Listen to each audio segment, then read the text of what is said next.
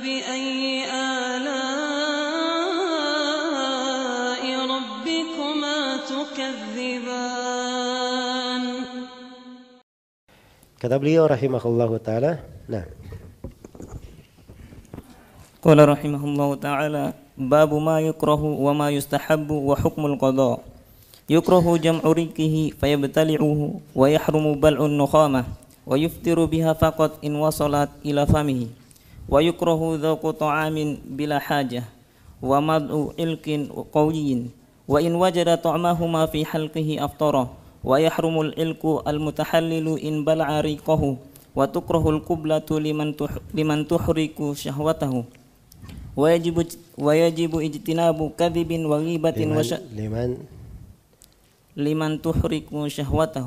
kan tahriku, tuharriku وتكره القبلة لمن تحرك شهوته ويجب اجتناب كذب وغيبة وشتم وسن لمن شتم قوله إني صائم وتأخير سحور وتعجيل فطر على رطب فإن عدم فتمر فإن عدم فماء وقول ما ورد ويستحب القضاء متتابعا ولا يجوز إلى رمضان آخر من غير عذر فإن فعل فعليه مع القضاء it'amu miskinin likulli yaumin wa in mata walau ba'da ramadana akhar wa in mata wa alaihi sawmu aw hajju aw i'tikafu aw salatu nadrin ustuhibba li walihi qada'uhu Baik kata beliau rahimahullah babu ma yukrah wa yustahabbu fi saumi wa hukmil qada. Ini pembahasan tentang makruhat. Apa-apa saja makruh dalam puasa apa-apa saja yang dibolehkan, yang disunnahkan dalam puasa? Kemudian sudah dibahas tentang masalah udur orang yang tidak berpuasa. Kalau dia tidak puasa dia mengqadha. Nah, sekarang qadha itu bagaimana caranya? Ini tiga pembahasan dirangkai oleh penulis di dalam bab ini. Ya. Kata beliau rahimahullahu taala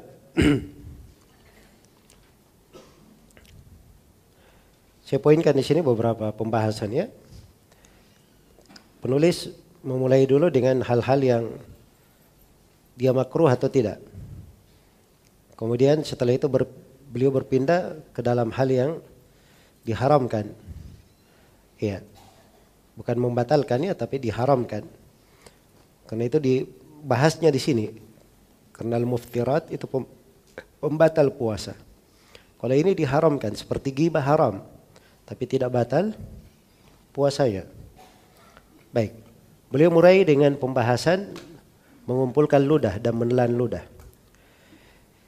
Kata beliau rahimahullahu taala yukrahu jam'u rikihi fayabtali'uhu.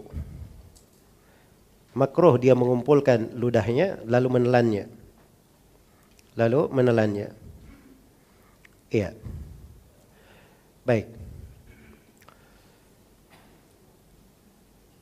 Pertama harus diketahui ya bahwa menelan ludah kalau sekedar menelan ludah itu adalah hal yang dibolehkan menurut kesepakatan ulama. Kalau sekedar menelan ludahnya saya, tidak ada silam pendapat di dalam hal tersebut. Iya. Tetapi yang menjadi masalah itu kalau dia mengumpulkan ludahnya. Mengumpulkan ludahnya lalu dia telan. Apakah batal puasanya? Kalau menurut penulis hukumnya apa? Makruh saja. Dan ini memang pendapat Imam empat. Iya. Bahkan sebagiannya menukil kesepakatan di sini. Sebagiannya menukil kesepakatan bahwa hukumnya makruh tetapi tidak membatalkan puasa. Tidak membatalkan puasa. Ada pendapat yang kedua mengatakan batal puasanya. Dan ini pendapat satu sisi di madhab Hambali. Bukan ucapannya, bukan riwayat. Tapi sisi di madhab Hambali. Dan itu pendapat yang tidak kuat. Yang benarnya adalah pendapat mayoritas ulama bahwa hal tersebut tidak membatalkan puasa.